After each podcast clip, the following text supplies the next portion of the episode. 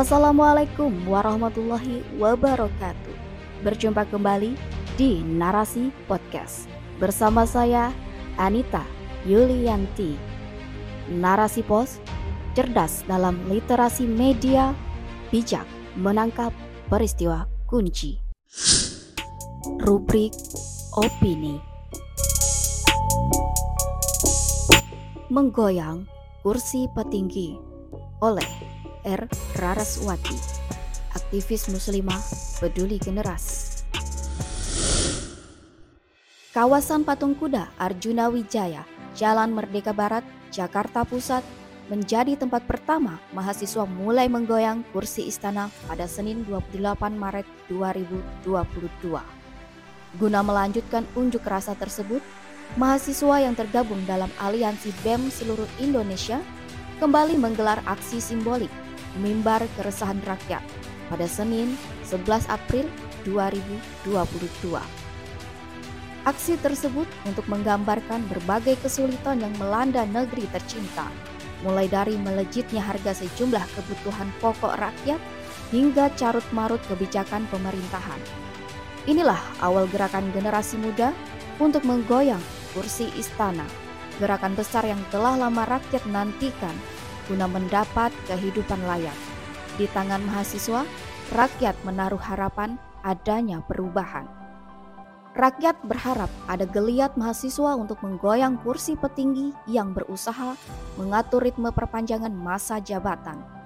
Kepekaan mahasiswa atas kepanikan presiden yang sadar tidak kemampuan oligarki menopang kursi tahtanya mendorong mereka untuk bergerak serentak. Bahkan, kali ini mahasiswa mendapat dukungan dari Waketum Majelis Ulama Indonesia atau MUI Anwar Abbas yang meminta agar pemerintah mengizinkan aksi dan aparat tidak menggunakan peluru tajam dalam tugasnya mengamankan unjuk rasa sebagaimana dilansir republika.co.id. Sekian lama mahasiswa terdiam dalam berbagai keadaan negeri yang semakin menjadi. Namun, rakyat percaya diamnya bukan berarti mereka tidak punya rencana. Mereka sedang menunggu waktu yang tepat untuk beraksi. Mereka sadar perannya sebagai agen perubahan peradaban sangat diharapkan rakyat. Sejarah mencatat kekuatan mahasiswa yang turut berperan dalam perubahan Indonesia. Satu di antaranya adalah Gerakan Sumpah Pemuda tahun 1928. Setelah itu, muncul beberapa gerakan mahasiswa yang sangat berpengaruh terhadap perubahan, hingga muncul gerakan mahasiswa paling fenomena yang berujung lengsernya rejim Orde Baru dan lahirnya masa reformasi. Kini, peristiwa itu seolah terulang kembali. Kezaliman rezim memaksa mahasiswa bergerak dan bertindak. Selama ini, telah banyak tokoh dan ahli yang menyampaikan pendapat, mengingatkan pemerintah, memberi pandangan dan pemikiran untuk dijadikan solusi. Namun, pemerintah seolah tak butuh semua itu banyak kebijakan yang dibuat tidak menjadi solusi, bahkan justru menambah masalah semakin runyam dan menjadi-jadi. Ketika perkataan masyarakat, bahkan para tokoh tidak lagi mampu mengingatkan rezim, gerakan mahasiswa lah tumpuan terakhir. Dengan setidaknya enam tuntutan yang diajukan masa, rakyat menunggu perubahan yang signifikan untuk kehidupan yang lebih baik. Mahasiswa memang memiliki kekuatan sebagai pembawa perubahan peradaban. Semua orang tidak bisa memungkiri perubahan yang telah terjadi dari setiap gerakan mereka. Keadaan yang lebih baik senantiasa dapat dirasakan rakyat. Namun, jika diperhatikan lebih detail, perubahan yang terjadi bersifat temporer. Keadaan membaik dalam jangka waktu pendek. Setelah itu, terjadi lagi masalah yang tidak jauh berbeda. Bergantinya Orde Lama ke Orde Baru, kemudian lahirnya masa reformasi tidak jauh dari masalah ekonomi yang kian memburuk. Utang negara yang semakin tinggi ternyata juga belum mendapat solusi. Meski pemimpin negeri telah berganti berkali-kali.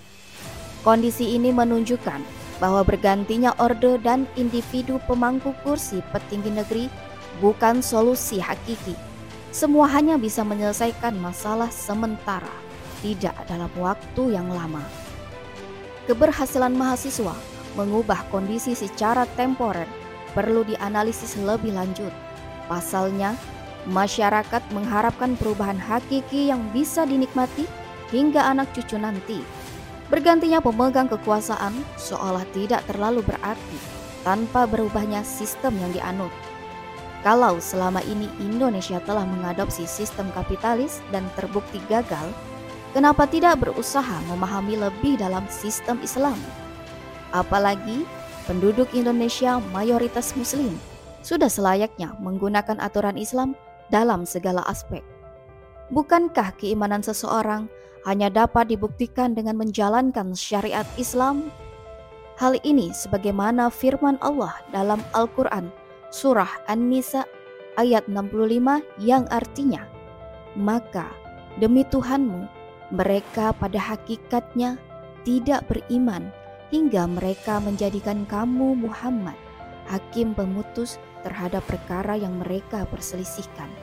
Pada ayat yang lain, Allah menyuruh orang-orang yang beriman untuk masuk Islam secara kafah atau menyeluruh sebagaimana disampaikan pada Quran surah Al-Baqarah ayat 208.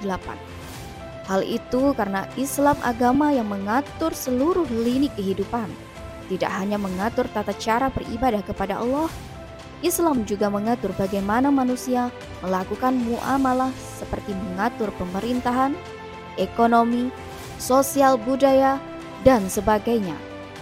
Dari dua ayat di atas, tidak ada alasan bagi umat muslim untuk mempertahankan sistem selain Islam. Momen Ramadan ini sangat tepat bagi Indonesia untuk kembali pada aturan ilahi. Ganti sistem kapitalis dengan sistem Islam yang memang datang dari pencipta alam semesta.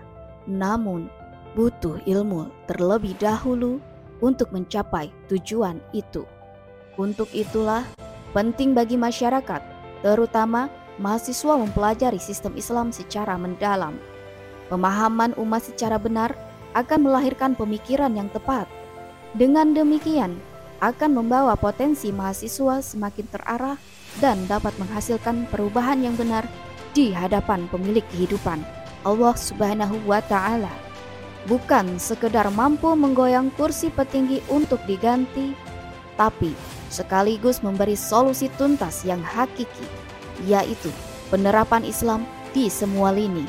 Saat itulah keberkahan akan memancar dari segala arah langit dan bumi, sebagaimana janji Allah dalam Quran Surah Al-A'raf ayat 96. Wallahu alam bisawab.